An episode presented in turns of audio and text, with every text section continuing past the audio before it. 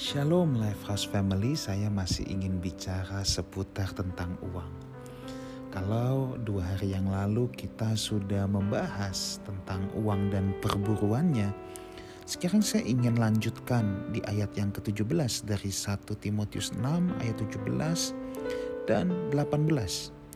Peringatkanlah kepada orang-orang kaya di dunia ini agar mereka jangan tinggi hati dan jangan berharap pada sesuatu yang tak tentu seperti kekayaan, melainkan pada Allah yang dalam kekayaannya memberikan kepada kita segala sesuatu untuk dinikmati.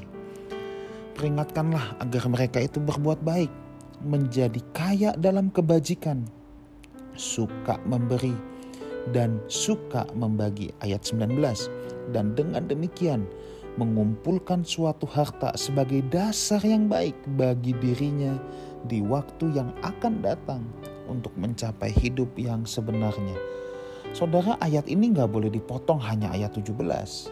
Banyak orang hanya potong ini ayat 17. Kalau kita potong ayat 17 ya, itu maka akan mengesankan peringatkanlah kepada orang-orang kaya di dunia ini. Jangan tinggi hati dan lain sebagainya.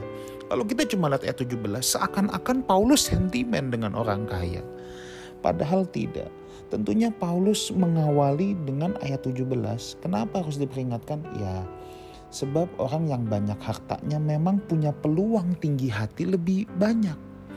Ya, untuk peluang jadi sombong lebih banyak. Tapi saya harus ingatkan, ada orang gak punya uang yang sombong juga banyak. Tapi manifestasi sombongnya beda aja ya kalau yang punya uang bisa sombong dalam harta yang nggak punya uang mungkin sombongnya bisa sok jagoan tapi sama-sama tinggi hati saudara dan di sini Paulus mengingatkan jangan berharap pada sesuatu yang tak tentu seperti kekayaan, melainkan pada Allah yang dalam kekayaannya memberikan kepada kita segala sesuatu untuk dinikmati. Dengar baik ini, orang yang bergantung pada kekayaan saudara ya, dia tidak akan bisa menikmatinya. Kenapa? Ya, karena hatinya ada di sana. Apabila terjadi sesuatu dengan kekayaannya, hatinya akan gundah gulana dan hatinya akan terus memikirkan harta itu ya sehingga ia tidak dapat menikmatinya seperti bagaimana Tuhan menikmatinya. Tetapi orang yang tidak bergantung pada kekayaan ya justru dialah yang bisa menikmati. Orang yang bergantung pada Allah betul-betul menyadari uang itu hanya alat, justru dia bisa menikmati. Sebab karunia menikmati itu datangnya bukan dari uang, tetapi dari Allah.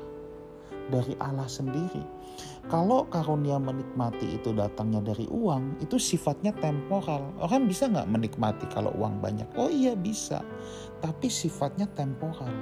Menangis itu tinggal menunggu tetapi kalau karunia menikmati yang datang dari Allah, itu yang sifatnya permanen ya.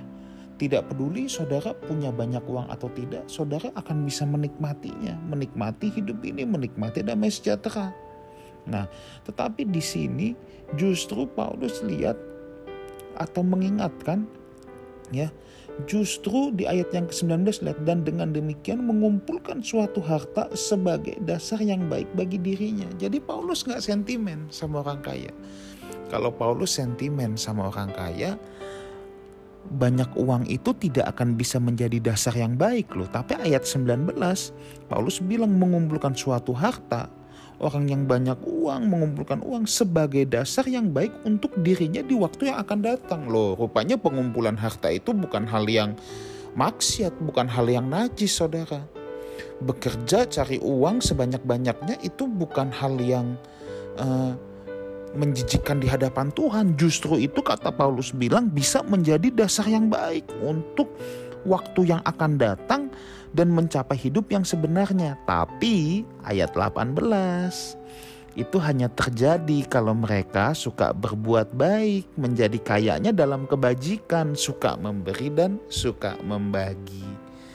Jadi Bapak Ibu Saudara, kalau kita punya kelebihan, Alkitab tidak pernah sentimen dengan orang yang punya berkelimpahan harta. Justru Paulus katakan orang yang punya berkelimpahan harta pun itu bisa menjadi dasar yang baik bagi dirinya di waktu yang akan datang dan mencapai hidup sebenarnya.